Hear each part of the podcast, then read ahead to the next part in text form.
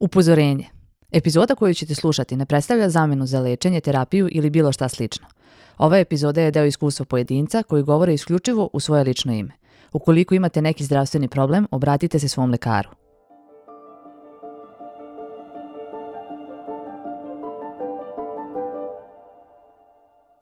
Dobrodošli u podcast Seme svetlosti. Mesto gde delimo životne iskustva, informacije i konkretne korake o konstruktivnom pronalaženju sebe – Priče su različite, ali je cilj uvek isti.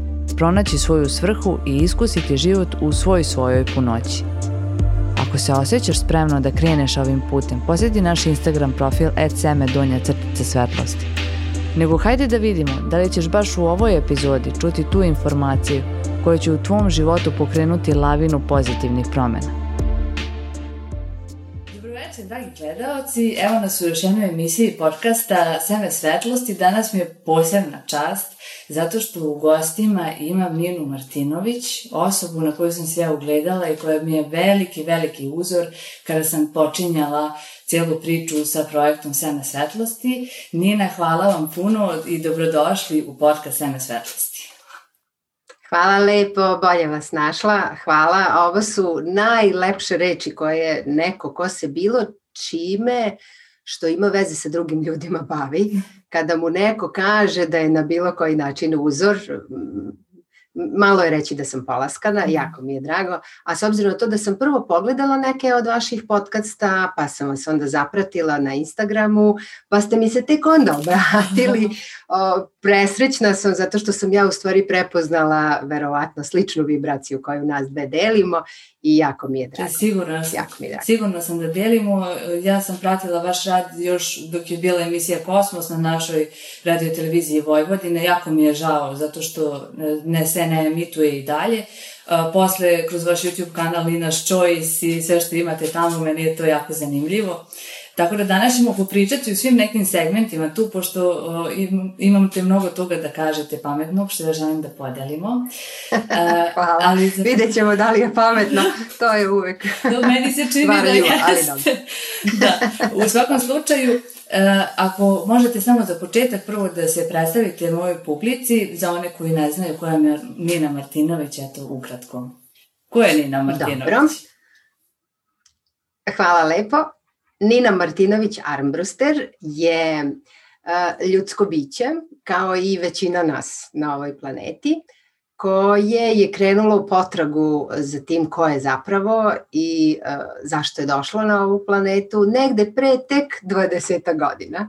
Dakle, možda polovinom nekog svog dosadašnjeg života ili malo je već i prošla polovina, kada se dosta toga izdešavalo, kada a, sam a, više puta lupila glavom o zid, kada mi se činilo da sam mnogo toga, to jest previše toga, ružnog, nezasluženo, neprijatnog doživela i tako, onda sam se bacila u potragu za tim da vidim ko sam ja u stvari šta ja to hoću ovde i šta ja to radim i zašto jedno te isto na neki način radim, mm. zašto ponavljam nešto što se nekad ispostavi kao greška, a ja opet ponavljam, ponavljam tako i uh, kako to u životu bude kad čovek odluči nešto, kad na nešto prebaci fokus, onda se desi da sretne ljude koji će mu pomoći da uh, tu svoju želju da nešto uradi, da nešto pronađe i ostvari, pa tako onda dođu pomoćnici na putu u vidu uh, prijatelja, učitelja, mentora, slučajnih susreta nekih i tako dalje.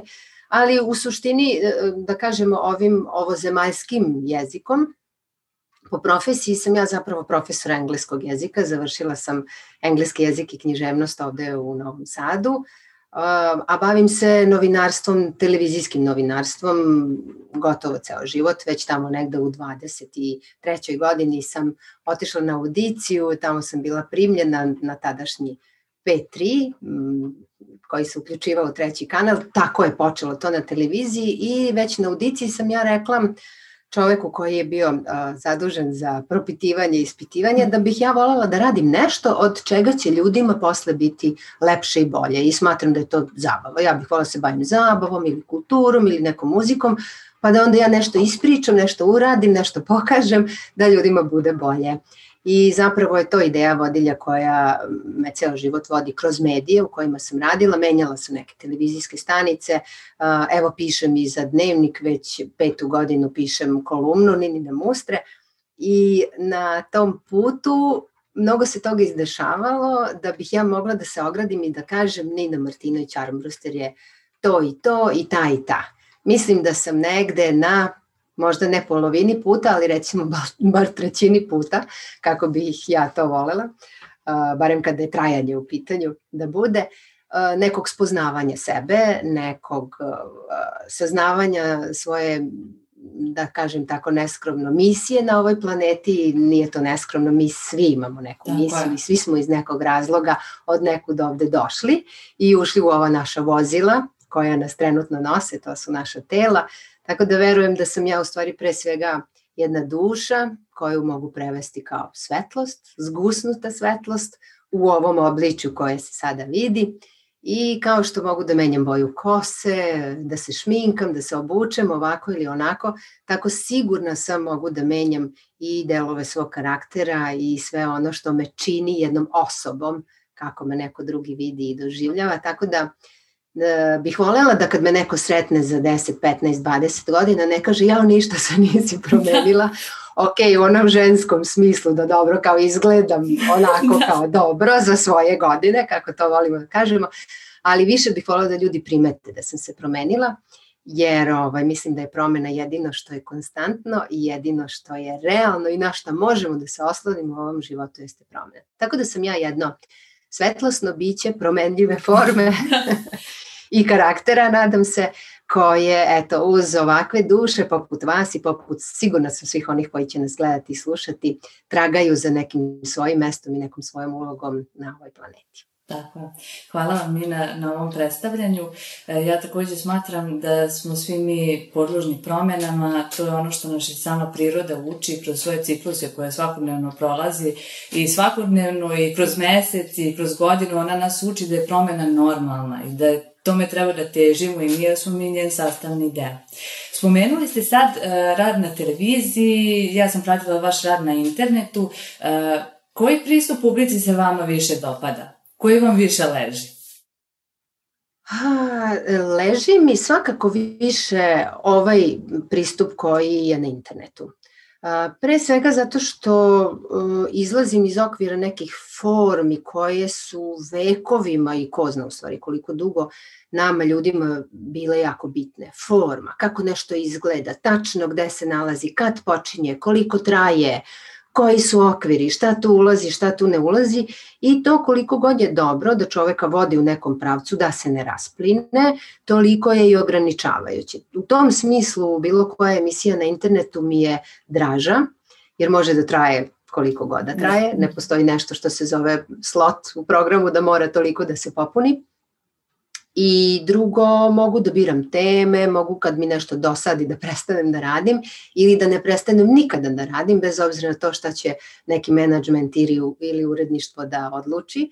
Dakle, u tom smislu mislim da mi je prihvatljivije ovo što radim na internetu, međutim nije mi tako baš lako jednostavno i da kažem da mi uopšte ne zanima televizijska forma, jer ipak je televizija nešto što je kod nas još uvek um, Pa prisutno je, prisutno jeste, je koliko jeste. god je sve manje i manje prisutno, ali postoje ljudi koji isključivo gledaju televiziju i postoje ljudi koji, moram reći, nažalost, samo televiziji veruju. Mislim zbog toga što je televizija i televizijski program stvoren pre svega za programiranje svesti ljudi i to nije ni tajna, to nije ni čudno, međutim koliko god da ljudi o tome čitaju, slušaju još uvek, nasedaju, da tako kažem, na nešto što vrlo često bude samo bacanje prašine u oči ili manipulacija bilo koje vrste da bismo se ponašali ovako ili ovako, da bi se na neki način nama, jel, ljudima, masama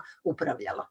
E sad, ja televiziju od uvek doživljavam kao um, priliku da se nešto i nauči, da se neko edukuje, da se o nečemu čuje, da da se negde otputuje. E sad to već možemo sve preko interneta i možemo da biramo kad hoćemo, ali postoji nešto što je ostalo kao neka vrsta autoriteta kad se uključi ta četvrtasta kutija i onda mi poverujemo. E sad zašto i poverujemo? Volela bih i to da spomenem, Slobodno. mada se o tome takođe mnogo priča, ali zašto da ne, da se podsjetimo. Čim se pažnja fokusira na nešto, pogotovo ako je to nešto tamo s druge strane živo, ima i vizuelno, ima i audio i tako već nam onako skroz obuzme čula, naši moždani talasi uh, se uh, poklapaju sa određenom frekvencijom i bukvalno postajemo podložni hipnozi. Ja koliko god znam koliko je to istina, da nas ono što gledamo sa malih ekrana hipnotiše, ja kad spazim nešto na ekranu, ja se zakucam. Moj muž se meni uvek smeje, kaže ne mogu da verujem da svaki put tako čim nešto vidiš ti se tako zakucaš u taj ekran, zato vrlo redko, ja gotovo nikad ne uključujem TV, malo je čudno reći radim u televiziji, ali je ne gledam, ali mislim da či, time čuvam i neki svoj integritet i ono što sam ja i ono što je moj način da nešto iskažem, ne potpadam pod uticaj nekih drugih likova koji se pojavljuju, pa da mi zbog toga što su uzori postanu tako jako bliski, pa da jako počnem da ličim i da radim nešto slično što i oni rade, mislim da se time onako čuva neka samostalnost. Ali e, čim usmerimo pažnju u TV, mi tako gubimo zapravo sebe i postajemo podložni tim porukama koje nam sa tog ekrana stižu, a one nisu uvek, zapravo nisu skoro nikad, za naše dobro.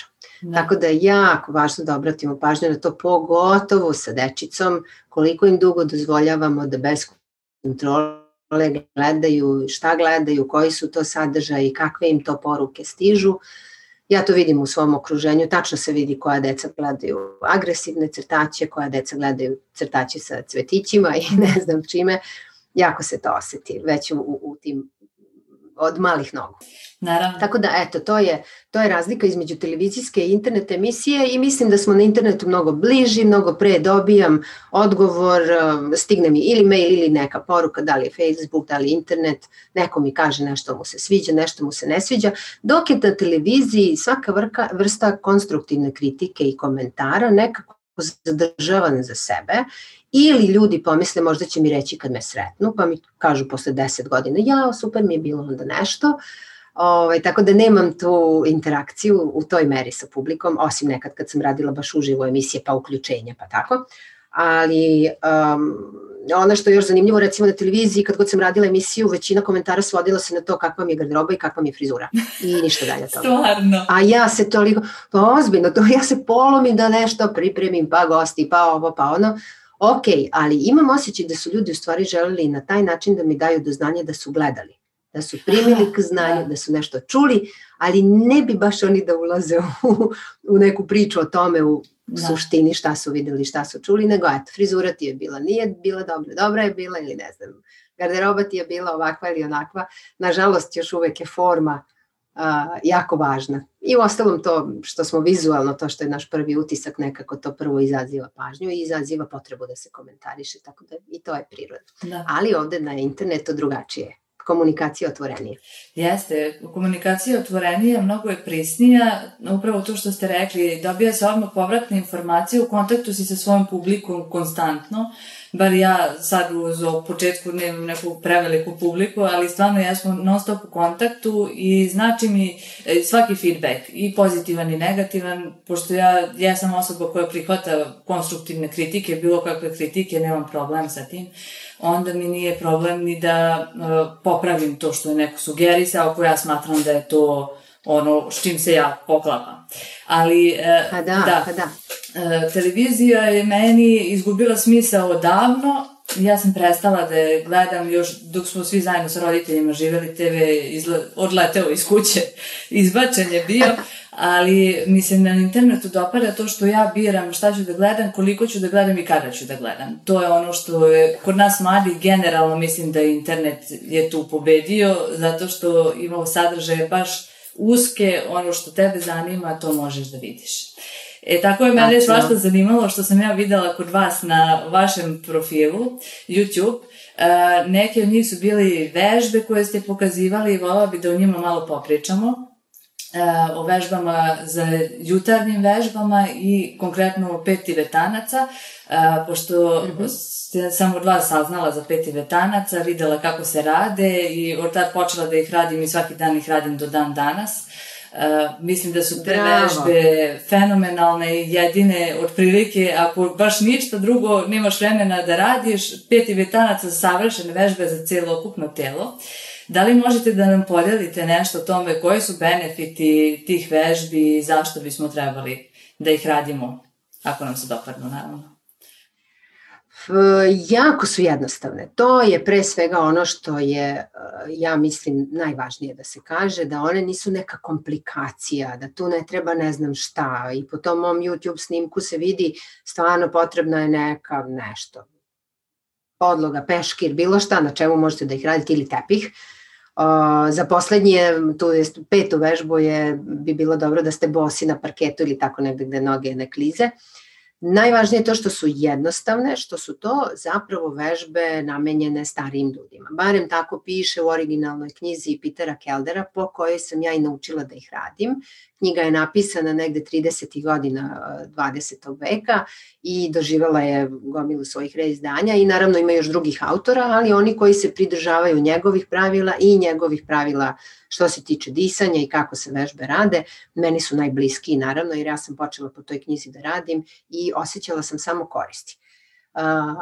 Fizička, ozbiljna korist koju sam ja prvo osetila je bila da mi se posle nekoliko nedelja slučajnim merenjem sam utvrdila smanjio povišeni bilirubin, šta god to bilo, ima veze sa jetrom, koji sam imala godinama. Od malena, kao klinka to se dovelo na, to je dovedeno na normalu, odmah, znači posle prvih nekoliko nedelja.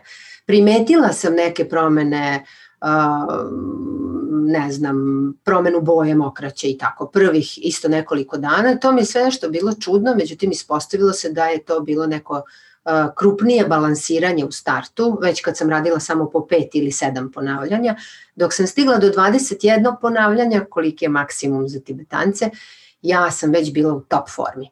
E sad, za mene je to bilo jako važno jer sam se kao klinka bavila sportom, atletikom i dugo sam bila onako u formi, volela sam da trčim. E onda kad sam počela da studiram tu negde posle nekoliko godina, sve je prestalo da me zanima. Zanimalo me samo da izlazim u život, samo tu neke žurke, idemo tamo, idemo ovamo, ok, to me kao održava, šta će meni sport, prestala sam da se bavim sportom i osjećala sam da mi fali da sam troma, da se ne krećem onako kako sam se ranije kretala. U krajnjem slučaju ne mogu da igram 5 sati u diskoteci, nemam snage, nemam kondicije.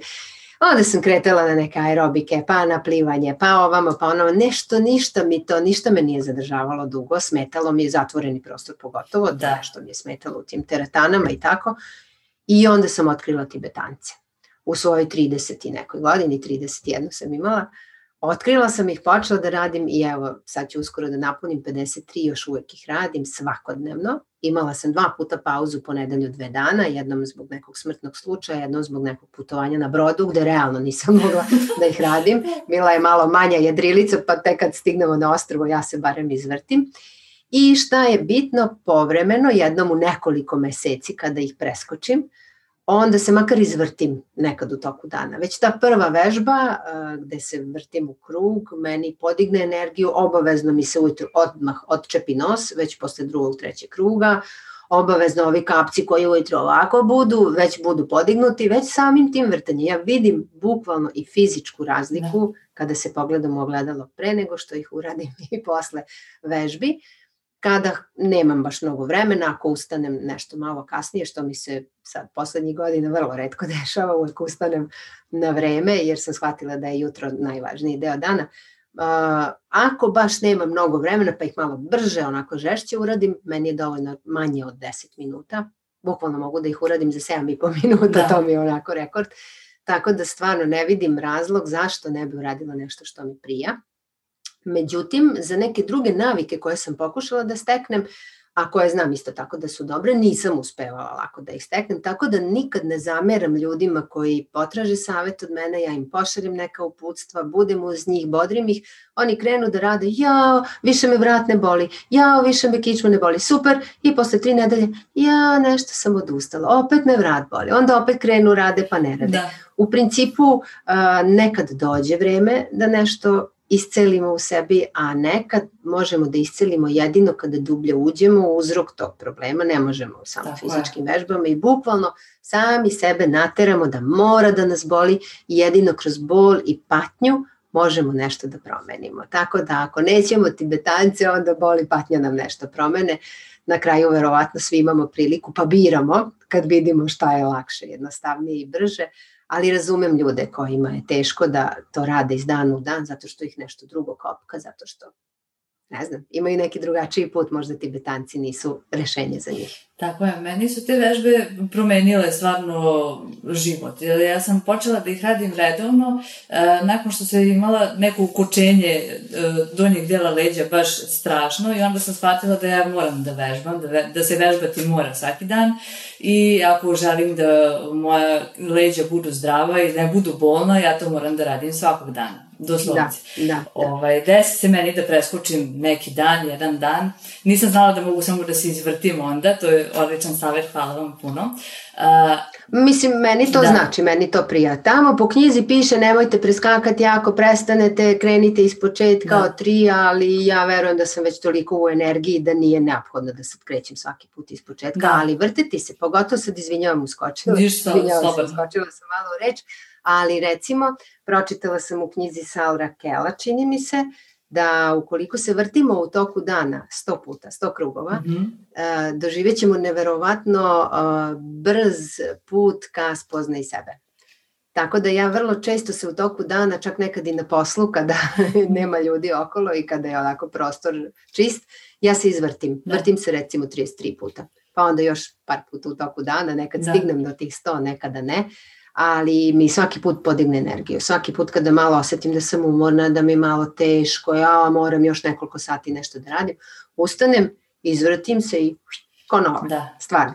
E, nevrovatno se osjeća razlika kada tog dana, kad na primjer ne uradim ujutru tibetance i ostilih dana kada ih radim. Stvarno se dešava se nešto u našem organizmu, pokreću se naše energetski centri, nešto se baš krupno desi da tebi da tu snagu ujutru, ja volim ujutru da ustanem ranije, da odradim vežbe, tibetanci ponekad ubacim i neku ovaj, uh, vežbu iz joge.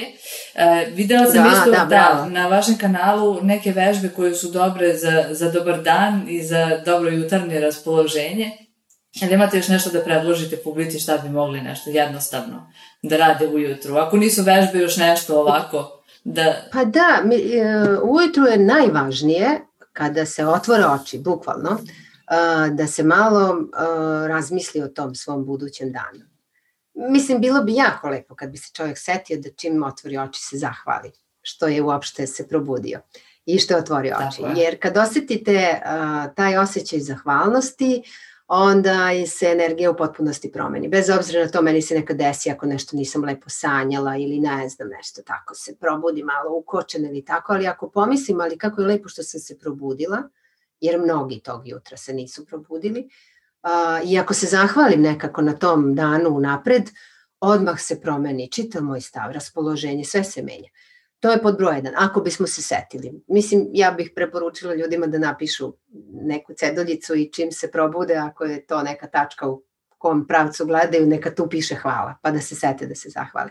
Drugo što je najvažnije, a što možemo da gledamo kako ste spomenuli u prirodi, jer priroda uh, je najprirodnije nešto što je u našem okruženju. Sve životinje kada se probude prvo se istegle.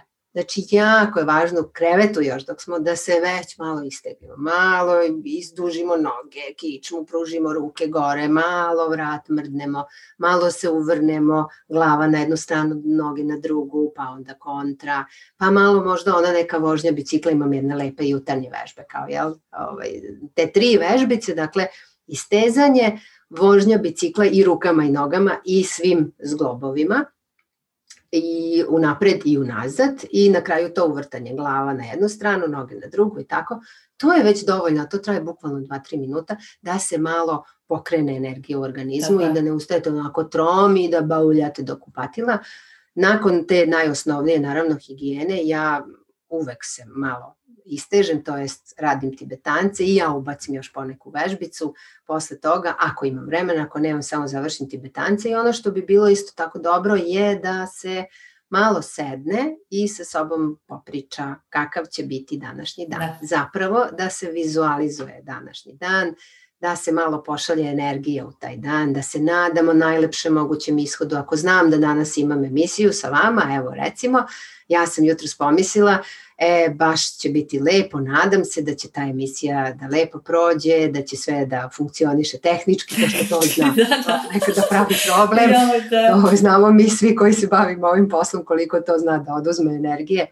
Ali eto, i onda nekako prosto energije tog dana, moje, vaše, čije god, kako god, sve to što je oko nas i u nama, podrži čitavu ovu ideju i ja sam sigurna da će to onda do kraja dana da bude dobro. Jer unapred sam se zahvaljala što će to da protekne onako u najboljem mogućem redu, kako je najbolje i za vas, i za mene, i za sve ljude koji će nas gledati.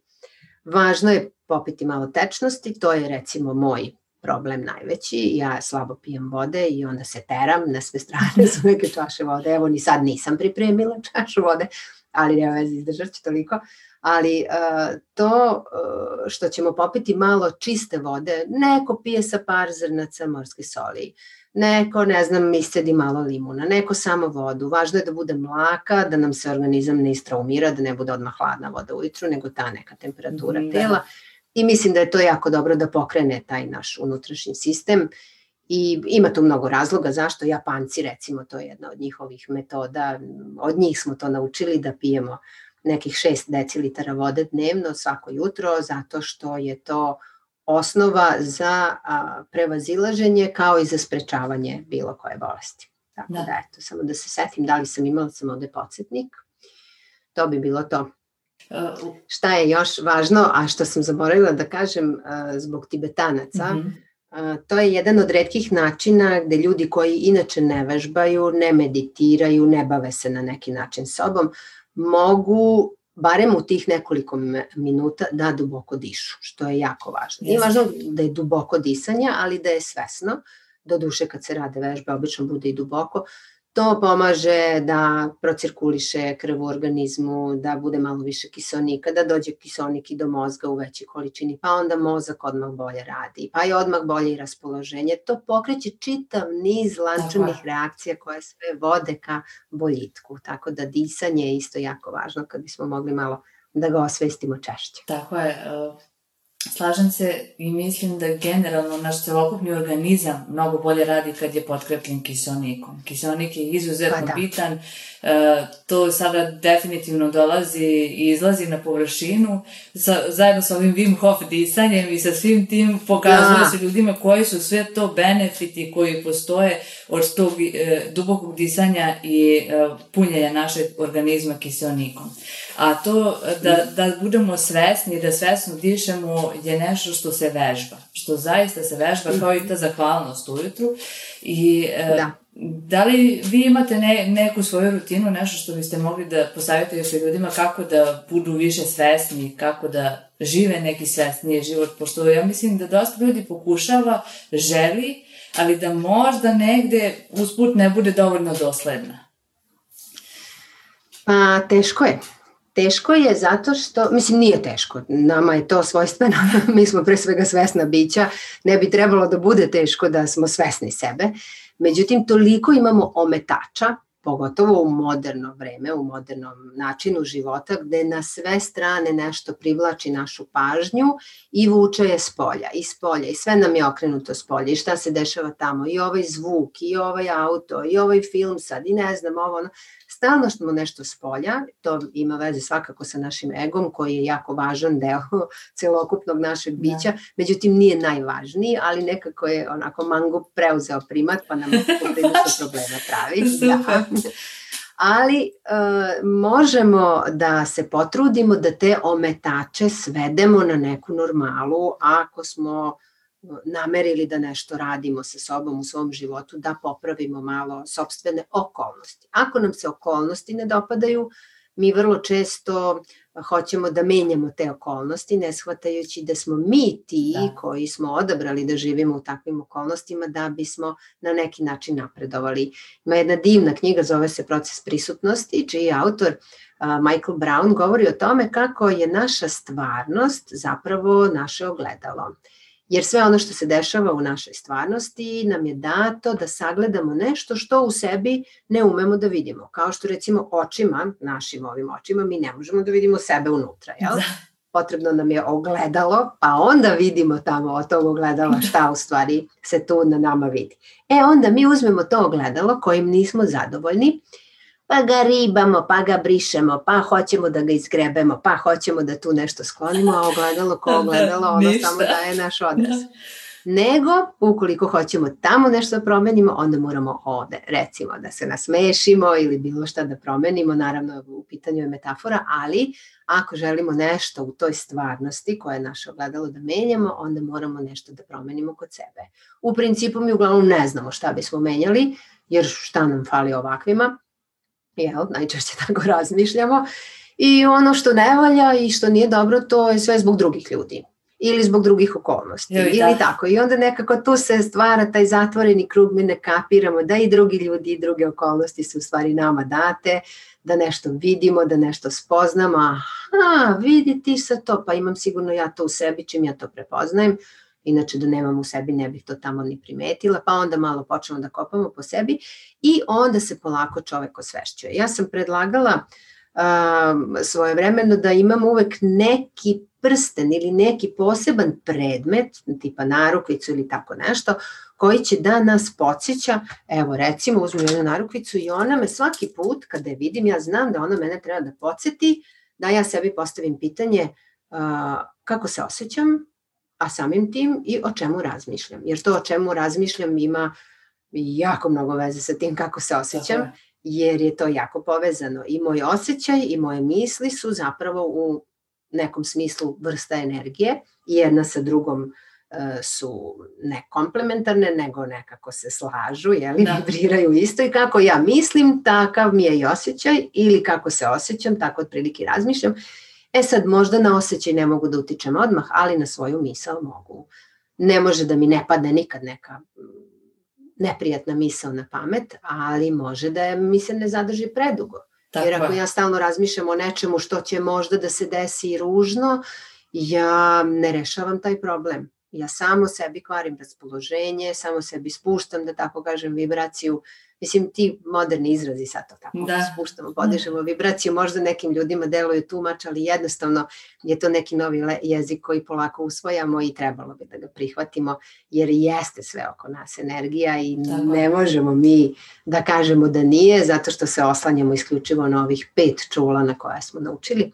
Tako da da, ne bi trebalo da dozvolimo da se dugo zadržete neke ružne misli, trebalo bi da ih malo proverimo i da malo glavu provetrimo.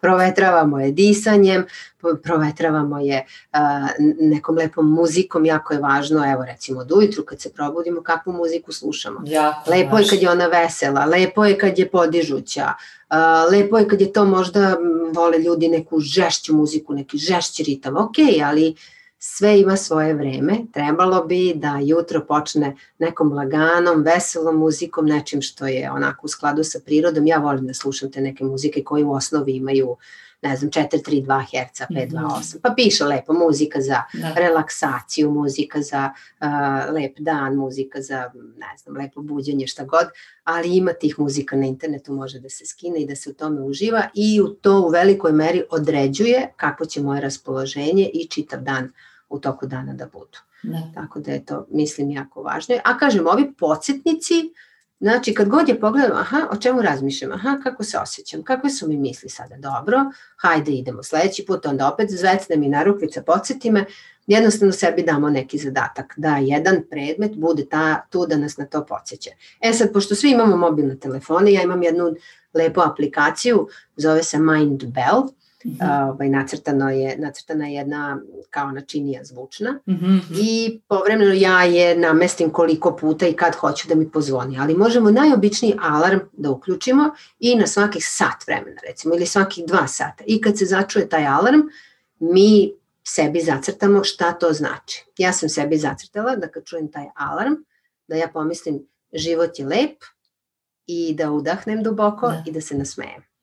Divno. Znači to mi na neki način bude kao neka zahvalnost, oda životu, Da. a, da se nasmešim i da duboko udahnem i izdahnem. I onda sam tako sebi osigurala, pošto sam ga namestila na svaki sat vremena od ujutru od 8 do uveče do 10, i onda se završava, ne moram baš noći da me budi, da me podsjeća, onda sebi lepo imam jedan fini podsjetnik koji me podsjeti i onda sam osigurala da ću barem jednom na sat ja da svesno ispratim kuda ide moj dah, kuda ide, ulazi unutra, izlazi napolje, aha, malo sam osvestila, vratila sam se u sebe, tu sam, Da. ok, i idem dalje, nastavljam dalje život. Tako da ima raznih stvari koje mogu da nam pomognu, pogotovo sad u moderno vreme sa svom tom tehnologijom, da osvestimo što više trenutak u kojem se nalazimo, kako se osjećamo, o čemu razmišljamo i da se onda sve češće vraćamo sebi. E sad drugo je pitanje toga što ljudi uglavnom ne vole baš da ulaze u sebe i ne vole baš mnogo da babraju Da. da. po unutrašnjosti, pa više vole i dalje da krive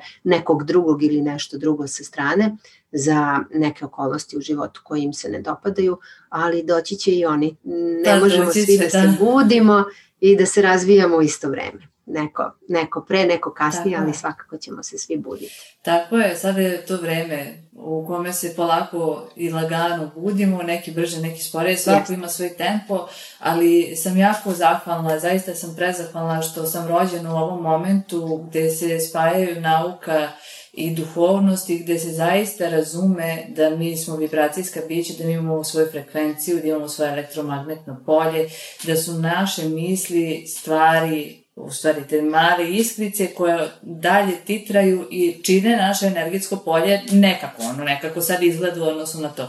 I muzika koju ste spomenuli ima divan kanal na YouTube-u, zove se Meditative Mind, ja njih slušam najviše i njihova muzika mi izuzetno prija. Uglavnom je ambijentalna i ima svih, po svim hercima, kome šta odgovara, samo mm pročita naslov i može slobodno da sluša, sigurna sam da će da mu prija.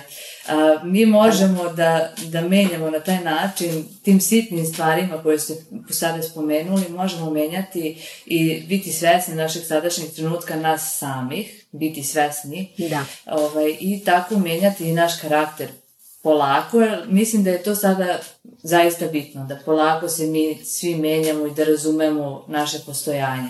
Koje navike vi vidite kao neke najbitnije koje treba usvojiti sada u ovom periodu u kome se nalazimo i ka tome da smo krenuli? E, pa već nas baš bukvalno ovo vreme, ovaj period u kojem se nalazimo, tera da menjamo svoje navike. A, primorani smo bukvalno da ostanemo u svojim kućama, jedno vreme smo bili svi samo u kućama i sad smo malo ređe na polju, mada sudeći po saobraćaju, recimo po Novom Sadu i po Beogradu, sve se vratilo kao što je pre bilo, velike su gužve, nisu ljudi sad toliko kod kuće, ali verujem da nam je to bio period kada smo shvatili koliko je važno da se malo sebi okrenemo. Kada nema spoljašnjih nekih zabava, koliko, setimo se samo koliko je strašno bilo sada kafići narede, pa strašno da ne znam šta.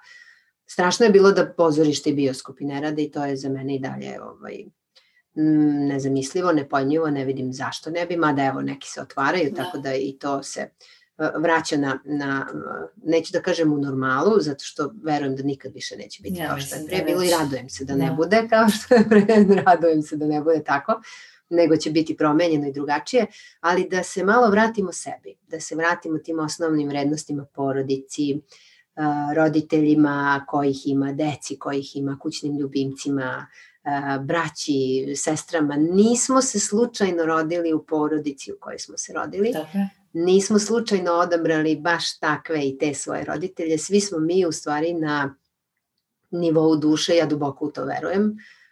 Mogla bih se usuditi da kažem da znam, ali stvarno duboko u sebi znam da smo svi došli da ovde a, nešto naučimo, da napredujemo, da steknemo neka iskustva i onda da se vratimo u neki pravi život, jer ovo ovde je više neka igra i više neka obmana, kako da. god to ove, ovaj, razumeli i shvatili, ali uh, svi smo zapravo odabrali i te svoje roditelje i tu svoju porodicu da bismo što lakše obavili zadatke koje smo poželeli da obavimo ili koji su nam dodeljeni. To baš nisam sigurna, ne znam kako funkcioniše, ali verujem da je zato od ključne važnosti da se što više bavimo svojim unutrašnjim životom, svojom duhovnošću, nazovimo je tako, da. jer to je prava reč, bez obzira što je možda malo izmanipulisana poslednjih decenija mm -hmm. i duže, nije ni važno, ali je jako važno da se zapitamo šta je unutar nas, koje su to blokade koje nas sprečavaju da budemo srećni, uspešni i zadovoljni,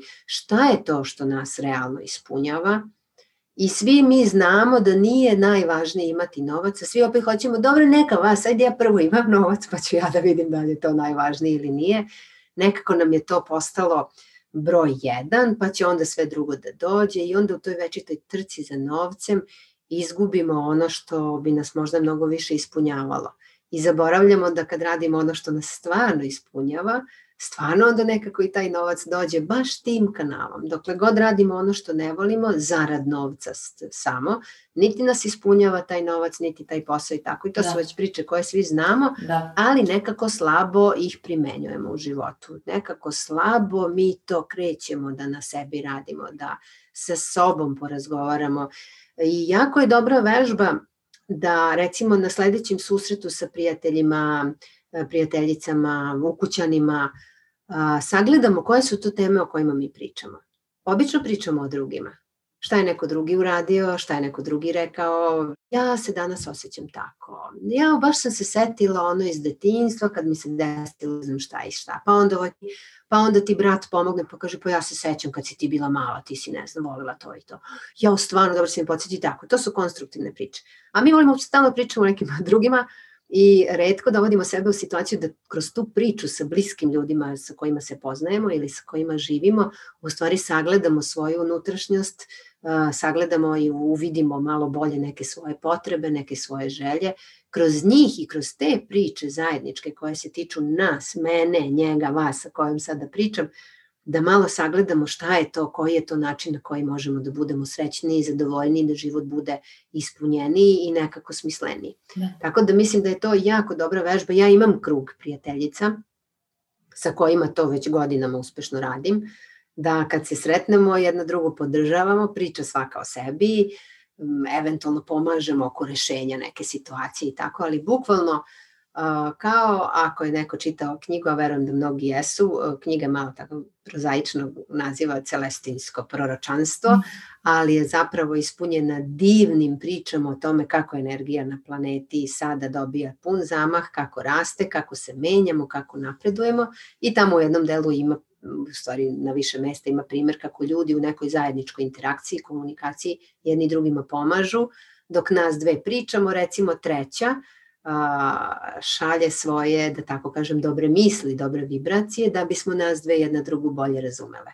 A onda jedna ona šalje ove dve priče i tako. I u toj komunikaciji prosto se i energetski podržava da. ideja sloge, ideja razmene, ideja pomoći, da nešto bude lepše i bolje da izraste iz te komunikacije. Tako da to može da počne da se vežba, mislim da je čovečanstvo već dovoljno zrelo za to, da se malo obrati pažnja o čemu pričamo, kako pričamo i da onda jedni drugima pomognemo. Pogotovo je to dobro ukoliko dođe do nekog konflikta, onda malo tu situaciju posmatrati i onda pomoći da se konflikt razreši pre svega energetski, pa tek onda rečima a ne mi odmah rečemo ćuti, nisi u pravu, šta ti ja, ću ovako, ću ovako, ću, nego prvo energetski malo ajde da vidimo, da pomognemo, ovo sigurno ima neki razlog što se dešava, hajde da malo pomognemo, da pošaljemo malo ljubavi, razumevanja, udahnemo duboko, izdahnemo i vrlo često u mom slučaju neverovatni sukobi se jako brzo onako za neke druge vinovnike na volšeban način primere šta se desilo. Ne kažem da sam ih ja umirila, ali sigurno šaljući neku svoju umirenu, pozitivnu, spokojniju, da tako kažem, energiju, sam malo izbalansirala situaciju gde onda ne mora da se svađa i tuče, nego onda može i normalnim rečima nešto se raspravi. Da, to je za, zaista zanimljivo. Odlično zvuči i mislim da mi kao čovečanstvo generalno jesmo sada spremni da krenemo u takvu neku priču, da imamo više razumevanja, više senzibiliteta za druge ljude koji su u našem okruženju, pogotovo za bliske ljude, jer i ono što ste uh, ranije spomenuli za ogledala, ta oso te osobe koje jesu u našem najbližem okruženju jesu naša ogledala i nekako baš i u poslednje vreme sam ja počela da razumem šta to zapravo znači i šta to mhm. želi da mi pokaže i da ga prihvatim i uh, da zađem u sebe i da vidim gde su te, te stvari koje, koje mene koče, gde su blokade, gde se nalaze ti neki sitne male mrvice koje tebi ne, ne dopuštaju da živiš punim pućama baš onako kako ti želiš. Što ne znači da će tebi i tada svaki dan biti dobar, super, uvijek ćeš biti nasmejan. Nema prosto postoje dani kada ti nije dan i to je sasvim u redu, to nije ništa strašno, to su prilike za razvoj. I uh, htela sam da sa vama popričam još malo o tom kopanju po sebi, meditaciji kao tehnici za, za kopanje uh, po sebi. Da. Ove, ovaj, da li vi praktikujete meditaciju, šta o njoj mislite i da li savjetujete drugima da, da po, počnu i krenu u taj proces? Da. Jako je nezgodno pričati o meditaciji s obzirom na to da mi ovde imamo neka predubeđenja, predznanja, da li se to kosi sa podnebljem, verovanjem mm -hmm. ili tradicijom ovog podneblja, jeste ili nije, ali zapravo čak i u našoj tradiciji mislim tu ovaj, na, na pravoslavlje, postoji izraz koji se zove tihovanje. Tako da neko osamljivanje i povlačenje u tišinu nije ništa čudno. E sad, postoji tu sad neka razlika, kažu da je molitva zapravo obraćanje Bogu, a da je meditacija slušanje Boga. E sad, neki mhm. se boje koga mi tu slušamo, šta slušamo i tako. Čim tu ima straha, čim tu ima nečeg da. što na bilo koji način uzbuđuje, da tako kažem, negativno našu pažnju, tu onda nešto i nije u redu. onda možda i ne bi trebalo čovjek time da se bavi. Ali ako opet prilazimo tom nečemu što se zove univerzalna inteligencija, ljubav, svemir, kosmos, svetlost, Bog, šta god, ako stalno nešto tražimo i stalno nešto molimo, nekako ne vidim da je to svrha. Mi opet se onda oslanjamo na nešto ili na nekoga da nam nešto da ili da nam nešto pomogne. A verujem da mi svi imamo snagu jer svi smo delić tog nečeg što treba da nam da. da, da. I svi mi imamo delove te neke snage i samo je potrebno da je u sebi prepoznamo i da je probudimo. Verujem, duboko verujem i ja praktikujem to neko tihovanje, meditaciju, savladala sam i transcendentalnu meditaciju, tu se radi o ponavljanju jednog izraza jedne reči Jedno vreme sam mm, to radila redovno, ali sam onda prestala iz nekog čistog osjećaja, ne znam ni zašto, mm -hmm. ali verujem da je ona jako dobra, pogotovo da je to odlična tehnika koja može čovek sebe da natire, jer vrlo brzo vidi da mu se nešto u životu menja na bolje. Stvarno, stvarno se to oseti odmah. Pre svega se oseti taj mir, pre svega se oseti e, spokoj, e, neka odlučnost kada nešto odlučim da se, kad nešto odlučim da radim, onda to stvarno sprovedem do kraja, a kada se ne bavi meditacijom ni jednom na dan, onda to nekako klimavo ide, nešto to baš ne bude kako treba. Da. Međutim, ja recimo ujutru, kad uradim te tibetance, malo odsedim, 3, 4, nekad 5, nekad kad imam vremena 15-20 minuta i popodne ili uveče ili pred spavanje, kad god nađem vremena, barem još 15-20 minuta malo sedim, pratim svoj dah, Dakle, da. kuda ide moj dah? Baš sam izdala nedavno ovaj, na YouTube-u sedam dana za sedam podsjećanja. Samo po pet minuta dnevno možete da slušate svaki dan i samo vas podsjećam gde je tvoj dah sad udišem, kuda prolazi, kakvog je kvaliteta, onda je svakog dana mu dodamo još neki kvalitet, ovde je malo hladniji, kad izlazi malo je topliji, aha, dobro, a kakve je boje, daj da mu dam neku boju, da zamislim i onda se to malo razvija i za sedam dana može da se malo uvidi da pet dana, pet minuta na dan nije baš nešto previše vremena odvojeno, a da se već oseti da se čovek malo bolje osjeća. I onda um, je to put ka osvešćivanju, ako se svakodnevno, barem po pet minuta svesno diše, onda se u toku dana češće setimo da udahnemo, pa se češće setimo da popijemo vodu, pa se češće setimo nečega što je za naše dobro i zavisi isključivo od nas, ni od kog drugog sa strane.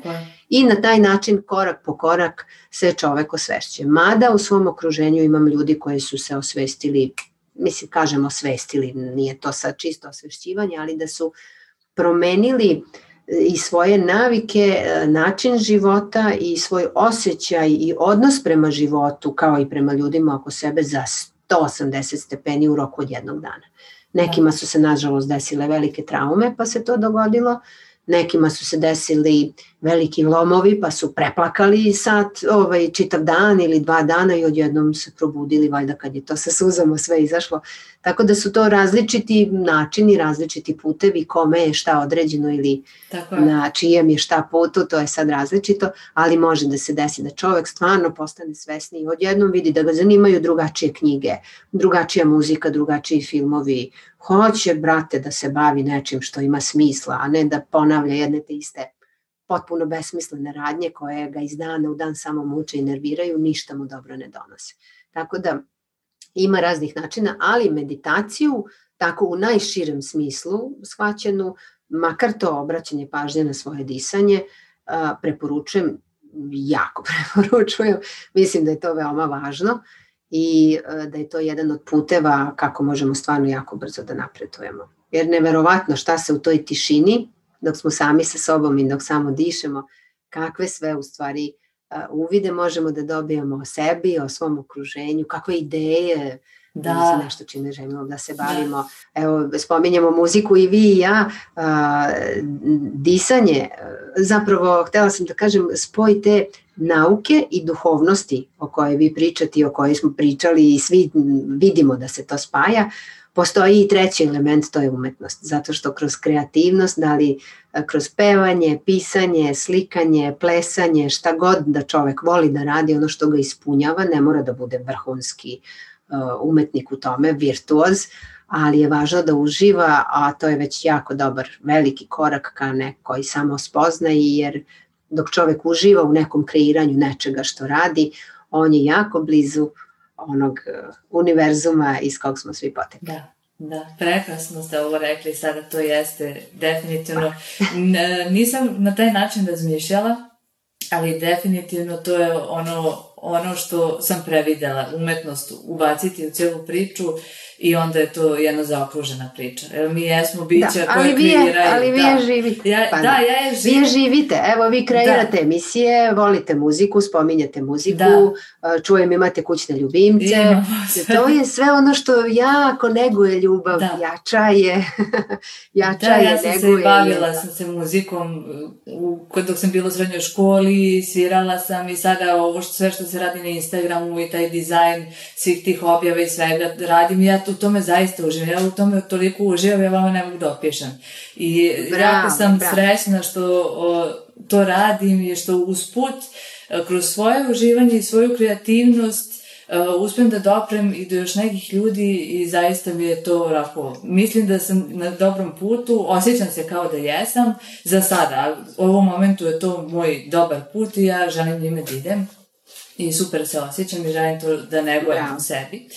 Uh, Bravo. Da li imate neke planove za narednih šest meseci za vaš, na primjer, kanal, nešto slično ovom disanju koje je sada izašlo. Ostavit ćemo sve linkove naravno dole u, u opisu ovog videa da pogledate disanje je fantastično, ja sam preslušala. Hvala. Imam planova, naravno, uh, htela sam samo da se nadovežem na mm -hmm. prethodno ovo što ste ispričali, da uh, verujete da ste na dobrom putu. Ja mogu 100% da vam kažem da ste na dobrom putu. Hvala, zato, pa da, ali, ali zato što niko nije na lošem putu. Mhm. zapravo mi kuda god da idemo, mi ćemo da stignemo tamo kuda je namenjeno da stignemo. Samo je pitanje koliko ćemo na tom putu da uživamo, koliko ćemo brzo da stignemo do onog momenta da i kada nam se dešavaju neprijatne stvari, da ih ne doživljamo previše kao neprijatne, nego kao nešto što je neminovno jer je prirodno čoveku, dokle god smo na ovoj planeti, u ovom sistemu koji je dualan, imamo crno-belo, dobro-loše, vruće-hladno, kako god, mi učimo iz tih različitosti i uh, te dve suprotstavljene stvari u stvari nam pomažu da nađemo balans i ne znamo ni da nađemo balans ako nismo otišli i ovamo i onamo. Tako da i to biti na dobrom putu zapravo znači osjećati se dobro, ali i ako se ne osjećamo dobro, biti svestan da je to samo neko malo skretanje, recimo da malo napunimo goriva, da saznamo neko novo znanje, da naučimo neku novu lekciju, možda malo bolnije, možda malo manje bolno. Evo ja da. sam imala recimo vrlo bolnu lekciju od koje mi je ostao onako malo ozbiljniji ožiljak ovde. Na jesen sam imala jedan ozbiljan pad s bicikla i uh, mogu da kažem jako strašno je bilo sa sve policija, hitna pomoć, da. proveden ceo dan u bolnici i tako. Sve se završilo sa eto tim ožiljkom i sa onako malo pretumbavanjem unutar mene i u mojoj duši, i šta je ovo bilo, kakva je ovo mhm. poruka, šta sam naučila. Nekoliko stvari sam naučila, pisala sam dnevnik tih dana redovno i puno toga je izašlo na površinu da mi pokaže šta je to na šta bi morala da obratim pažnju u buduće, šta je to što me zaustavlja, šta je to što me blokira i tako. Morala sam da padnem s bicikla i da glavom brečimo beton, što kažu, da bi se malo to sve promućkalo i da bih uh, zauzela neki malo drugačiji kurs. I u tom trenutku, koliko god da je bilo bolno i strašno i tako, ne znam, bio je to veliki stres za mene u tom trenutku, ja sam već i tad shvatila, odmah sam se setila da dišem duboko čim je pleksus to dozvolio, pošto sam bila da. izbila vazduh, ali sam se setila da udahnem i da vidim šta će mi ovo doneti, kakva je ovo lekcija koju sam morala da prođem, tako da nisam mnogo kukala, niti sam bila ljuta, ni na sebe, ni na bicikl, ni na taj beton, ni na koga, mislim, malo sam bila ljuta na neki pogrešno parkiran kamion, ali on je, shvatila sam, bio tu samo da bi me naterao da mi se to sve desi, da bih malo drugačije sagledala da. neke stvari u svom životu. Tako da i to je bila pomoć. Tako mala digresija tu da. razgovor kao i digresija na tom dobrom putu.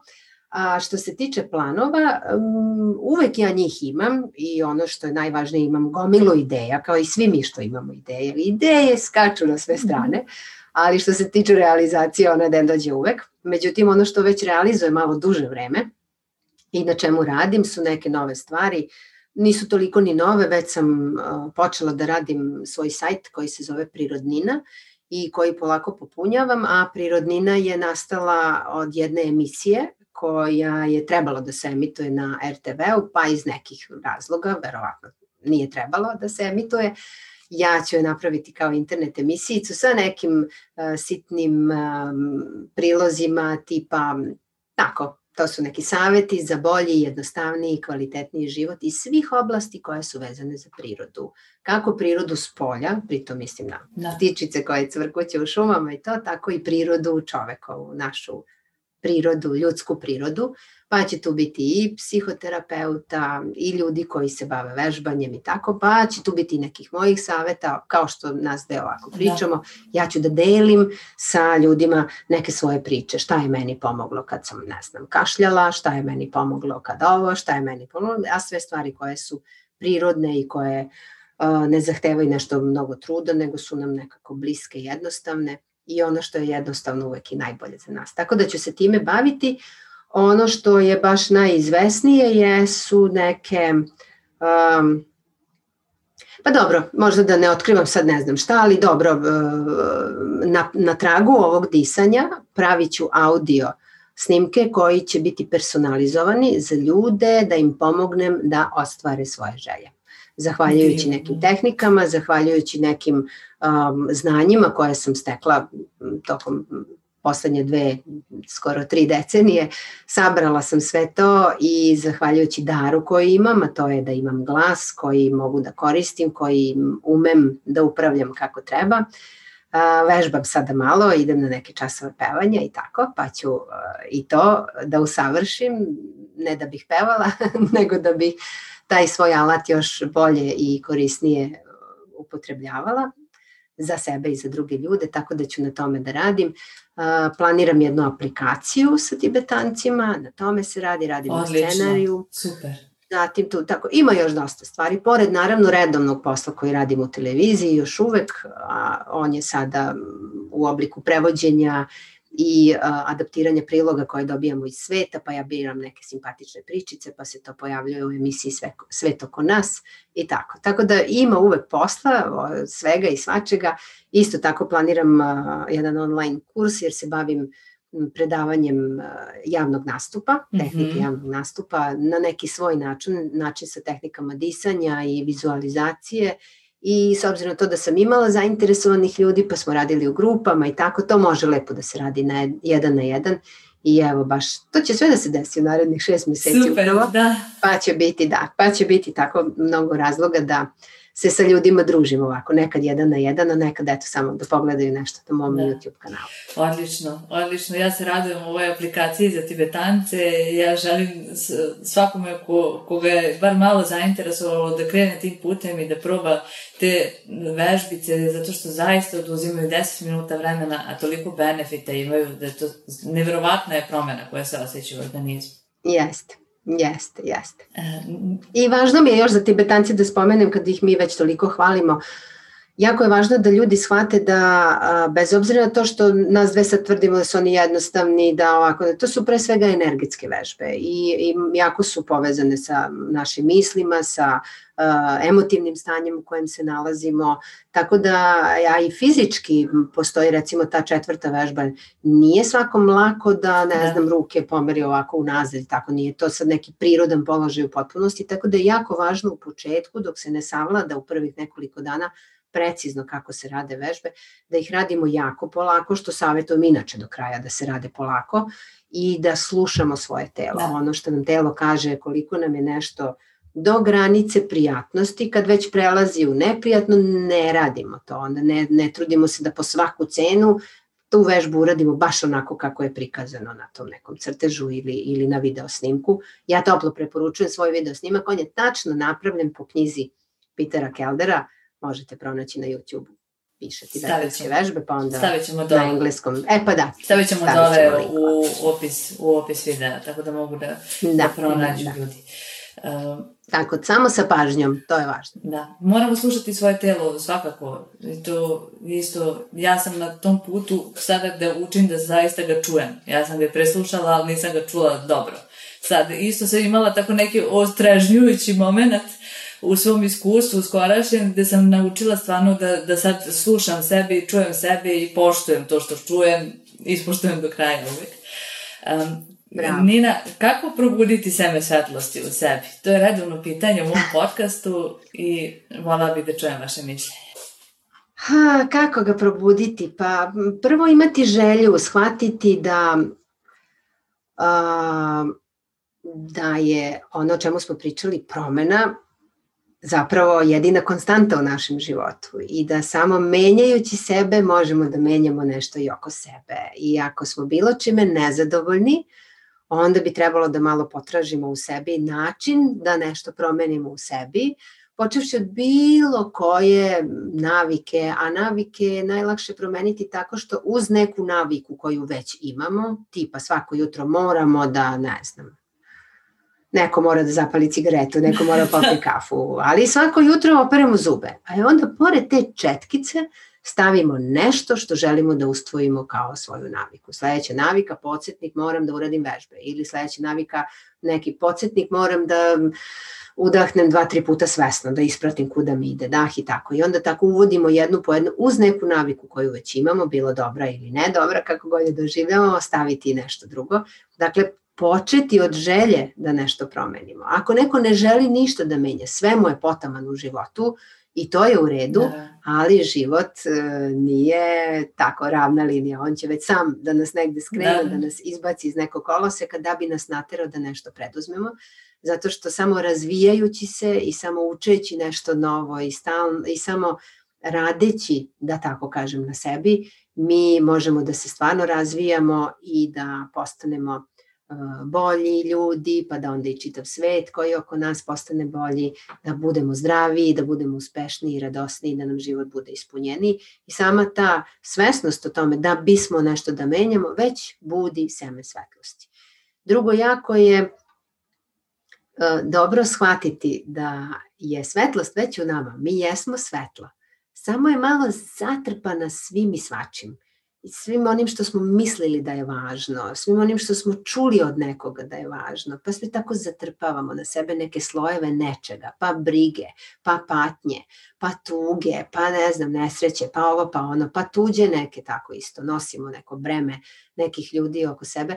Kada to polako počnemo da stavljamo sve na svoje mesto, onda ta svetlost iz nas počinje da sija, onda to seme koje mi svi u sebi nosimo će lako da proklija i da procveta i da svetlimo svi, ja verujem da ćemo još za našeg života da. i vašeg i mog da osvetlimo čitavu ovu planetu jer se ljudi neminovno bude da pređemo sad na te malo energetske stvari, sunce ima neverovatne aktivnosti poslednjih godina, poslednjih meseci, poslednjih dana, još da. neverovatnije. Da samim tim što toliki ogrom, tolika ogromna količina svetlosti, energije, kako god je nazvali, dolazi na planetu, menja se ritam kojim planeta diše, takozvana šumanova rezonanca.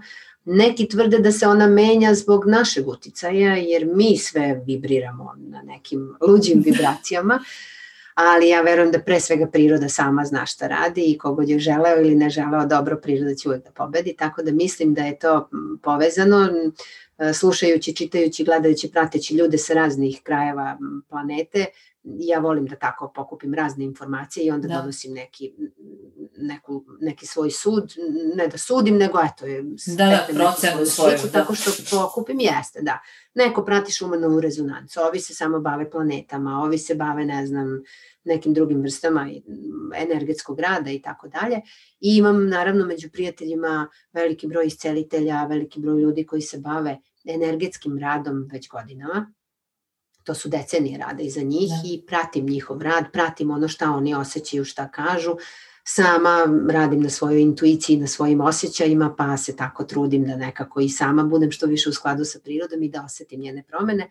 Tako da zaključujem da se poslednjih decenija, a poslednje vreme, u poslednje vreme pogotovo sa ovom trenutnom situacijom da. u svetu, dešava to da se podiže ili na bilo koji način, kako to da nazovem, raste vibracija, frekvencija na našoj planeti. Tako Ona neminovno utiče na nas, izbija iz nas sve ono što je niska frekvencija, dakle sve ono što, što se dešava, sve ono što smo da. zatrpali. Sve ono što zapravo više ne bi trebalo da bude u nama, Tako. Jer je odslužilo svojoj svrsi, nečemu nas je naučilo, ali mi ga dobro gajimo tako što ga zatrpavamo i nećemo da ga vidimo nećemo ga pustimo napolje. To sve bukvalno kao erupcija vulkana izleće napolje. Pa imamo razne simptome, a to su, ne znam, kašljanje, bolovi, ovakve, onakve, sve to izlazi iz nas. Kao što i na celoj planeti podiže se mulj, podiže se ono što je niska vibracija, nažalost ćemo još, verovatno ja verujem da ćemo još mnogo toga ružnog uh, da, da vidimo, da svedočimo. Sigurno. Šta se sve događalo, čime smo sve bili izmanipulisani, na koji način smo bili lagani, na koji način smo bili varani u svim oblastima, u svim oblastima, u svetu i u životu. Tako da je ovo jedan period kada, zahvaljujući tom naglom osvetljenju, odjednom oni ćoškovi koji su bili mračni i tamni i upaučeni su osvetljeni i mi vidimo čudovišta koja u njima obitavaju, ali koja se zbog ove svetlosti sprže i nestaju. Da. I bitno je da shvatimo i da taj proces dok ta tama, nazovimo je tako, nestaje, dok je ovaj, u procesu spržavanja ova svetlost eliminiše, ne bi trebalo da se bojimo jer to je proces. To je proces, to je proces koji, ako se za njega ne zakačimo sa previše straha i sa previše brige, on će da prođe samo od sebe jer je to prirodan proces. Da. Isto tako i sa svojim telom, kakvu god bolest, kakvu god nazovemo je bolest, zapravo su to neke, uvek, uvek su to neki znaci naše duše, šta god da proživljamo, šta god da doživljavamo, uvek postoji način da sebi pomognemo, uvek će postojati lek, uvek će postojati ljudi, iscelitelji koji će nam dati pravi savet, koji će nam dati pravi čaj, pravu biljku ili šta god, samo ako to stvarno želimo i ako se sa sobom dogovorimo da je tako i preuzmemo odgovornost za sobstveno zdravlje i za sobstveno stanje, bića, svesti, tela, šta god, ali preuzmemo odgovornost i onda lepo donosimo odluku za sebe, e tako ću ili tako ću. I onda biramo, hoću li da se lečimo ovako ili će onako, ali smo onda odabrali i onda idemo tim putem i kad imamo tako snažnu volju uz podršku svih ovih vibracija o kojima sam pričala, sve to što se dešava, dešava se isključivo čišćenje radi. Čišćenja radi. Ko želi, Da. on će da se pročisti, a ko ne želi, on će da se očisti. Mislim, tako nekako zvuči, ali Nažalost, jednostavno tako ili će biti Da. pročišćen ili očišćen. Eto. To, to je nažalost tako. Ovaj, ljudi ne razumeju da je naša planeta živ organizam i da je planeta i priroda cela i životinje i mi svi zajedno smo sa njom živi organizam. I deš, Jeste. ono što ja vidim da se dešava i osjećam je da naša to, to živo biće na kome mi živimo, ona sama prolazi kroz proces uh, prelaska na drugu vibraciju. I samim tim mi, mi, Jeste. mi moramo da se prilagodimo jer živimo na njoj. moramo da nekako da, pa da. dođemo do, do te vibracije na kojoj se ona nalazi, da se opet uskladimo, da se opet usinkronizujemo i kroz taj proces idemo zajedno. Ali to jeste proces i on će trajati neko vreme, definitivno. Ali Jeste. najbitnije je da mi sebi možemo da pomognemo. I ja sam u cijelu ovu priču i krenula ceo ovaj projekat koji imam i na Instagramu i na YouTubeu baš da se ljudima ponudi ceo varijetet, sve što im treba. Da li će neko da koristi reiki, da li će neko da koristi zvukoterapiju, teta healing, aromaterapiju, koje god terapiju, kristale, šta god da nekome odgovara, da li će samo da čita knjige, nebitno je, samo nešto da krenemo, da, da radimo. Tačno. Tako da iz te, Da, ce, iz da. te ideje je i krenula cijela ova priča sa semenom svetlosti. E, Da, divno, divno. da. Nina, uh, neki vaš kontakt koji želite ovdje da podelite sa nama, spomenuli smo sajt, spomenuli smo YouTube kanal. To je to. Imam i Instagram stranicu, naravno i svugde sam pod punim imenom i prezimenom. A, može, mogu me lako naći, ali moj sajt je www.ninamartinovic.com preko njega mogu ljudi da me kontaktiraju, da mi pišu, mada eto, nisam baš non stop i svakodnevno aktivna na svim društvenim mrežama, nekako taj uh, internet, kao što je rekao jedan čovek koga pratim nedavno, uh, rekao je da mi svi treba stvarno da naučimo koristimo internet. Internet. Da. Unutrašnju mrežu, da se pre svega sa sobom pozabavimo i da koristimo to svoje znanje i iskustvo, sve to što imamo, pa kad naučimo sa sobom da pričamo i da komuniciramo kroz meditaciju, jel, sa svojim višim ja, tim koje sve zna i koje je povezano sa svima, onda će nam lako biti da druge stvari savladavamo. Tako da a, nisam baš svakodnevno na tim društvenim mrežama, ali tu sam, aktivna sam, ali najlakše me kontaktirati preko sajta na kojem eto imam i svoj blog gde objavljujem mm -hmm. te pričice koje pišem inače za list dnevnik, neke snimam, uh, malo sam stala sa tim video snimanjima sad u ovih poslednjih godinu dana, ali nastavit ću zato što je to bilo nešto što me ispunjava i što volim da radim, uzmem ovu moju kamericu, odem negde u prirodu i u nju prepričam, zapravo ispričam tu, taj blog ili tu kolumnu koju sam napisala, koja se uvek tiče nekih ovih tema o kojima i nas dve danas pričamo.